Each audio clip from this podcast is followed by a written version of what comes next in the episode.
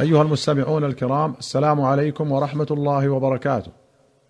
أخرج مسلم عن الشعبي عن علقمة قال قلت لابن مسعود هل صحب النبي صلى الله عليه وسلم ليلة الجن منكم أحد؟ قال ما صحبه منا أحد.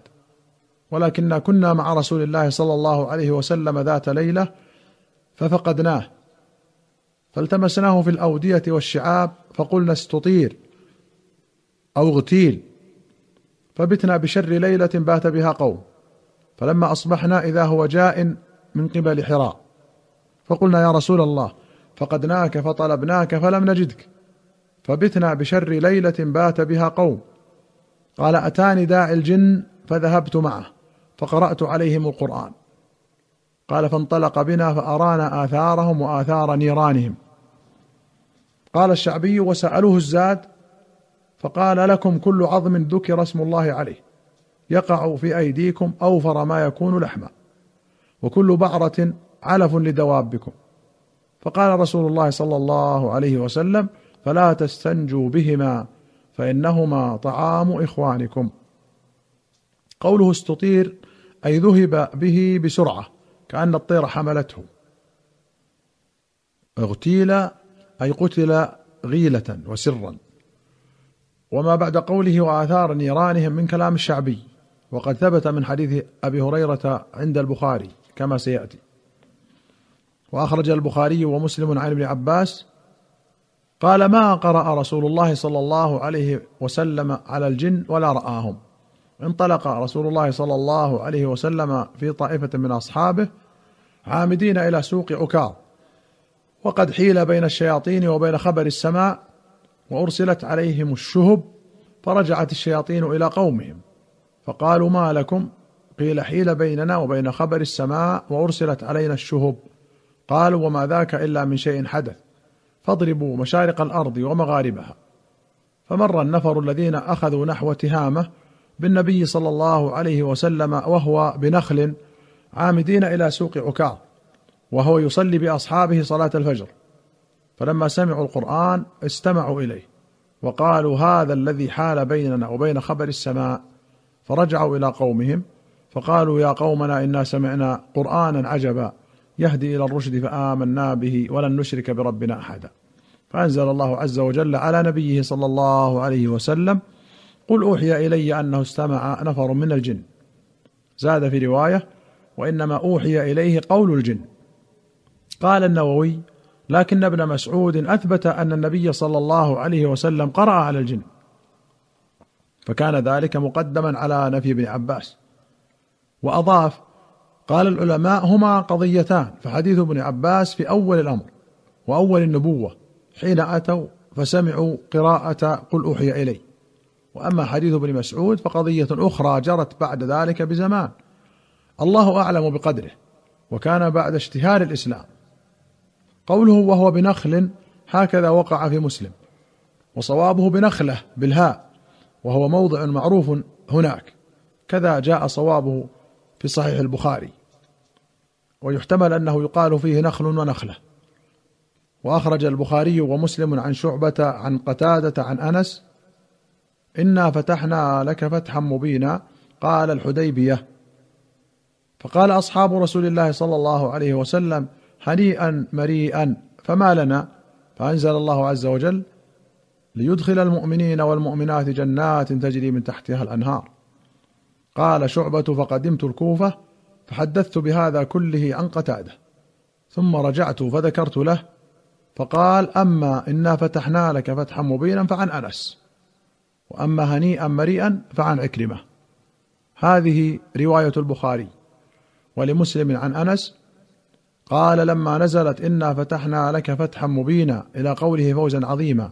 مرجعه من الحديبية وهم يخالطهم الحزن والكآبة وقد نحر الهدي بالحديبية.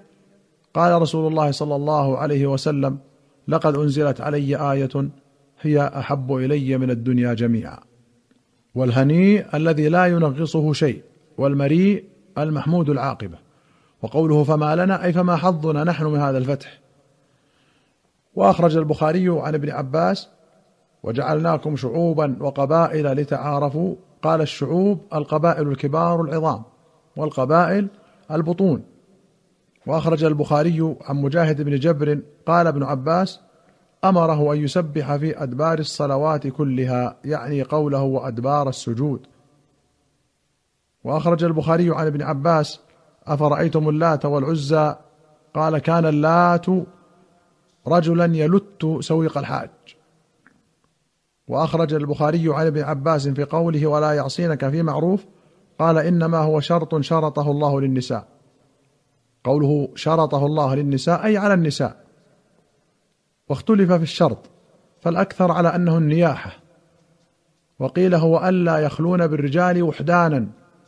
وجمع قتادة بينهما فأخرج الطبري عنه قال أخذ عليهن ألا ينحن ولا يحدثن الرجال. فقال عبد الرحمن بن عوف إن لنا اضيافا وإنا نغيب عن نسائنا. فقال ليس أولئك عنيت.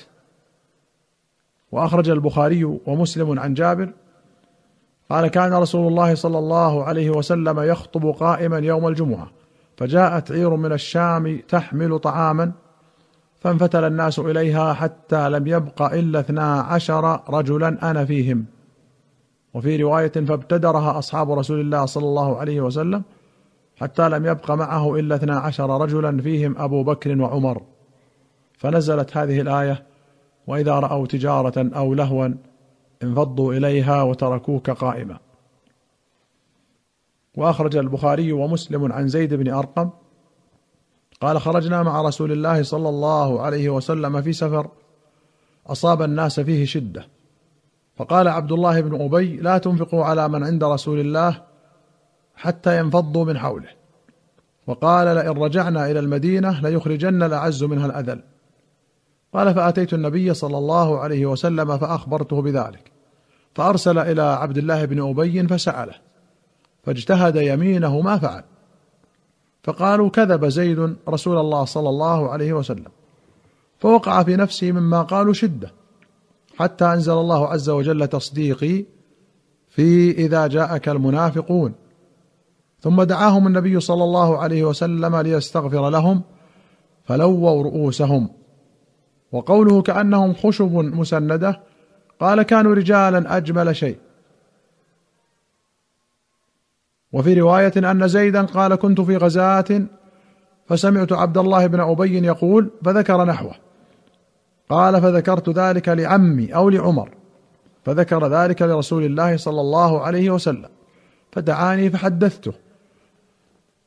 فأرسل إلى عبد الله بن أبي وأصحابه فحلفوا ما قالوا وصدقهم رسول الله صلى الله عليه وسلم وكذبني فأصابني غم لم يصبني مثله قط.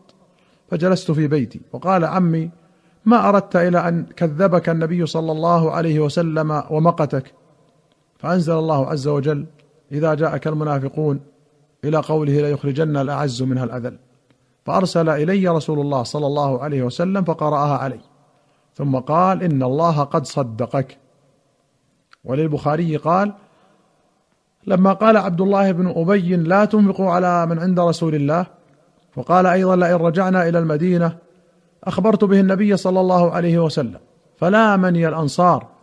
وحلف عبد الله بن أبي ما قال ذلك. فرجعت إلى المنزل فنمت فأتاني رسول رسول الله صلى الله عليه وسلم فأتيته فقال إن الله قد صدقك. فنزلت هم الذين يقولون لا تنفقوا على من عند رسول الله حتى ينفضوا. وللبخاري عن أنس أنه سئل عن زيد فقال هو الذي يقول له رسول الله صلى الله عليه وسلم هذا الذي أوفى الله له بأذنه. وأخرج البخاري عن ابن عباس في قوله تعالى عتل بعد ذلك زنيم. قال رجل من قريش كانت له زنمة مثل زنمة الشاه. العتل الفظ الغليظ وقيل الجافي الشديد الخصومة. والزنيم هو الملحق بالقوم وليس منهم تشبيها له بالزنمة وهي الهنة المعلقة بحلق العنز وهما زنمتان. أيها المستمعون الكرام إلى هنا نأتي إلى نهاية هذه الحلقة. حتى نلقاكم في حلقة قادمة إن شاء الله. نستودعكم الله. والسلام عليكم ورحمة الله وبركاته.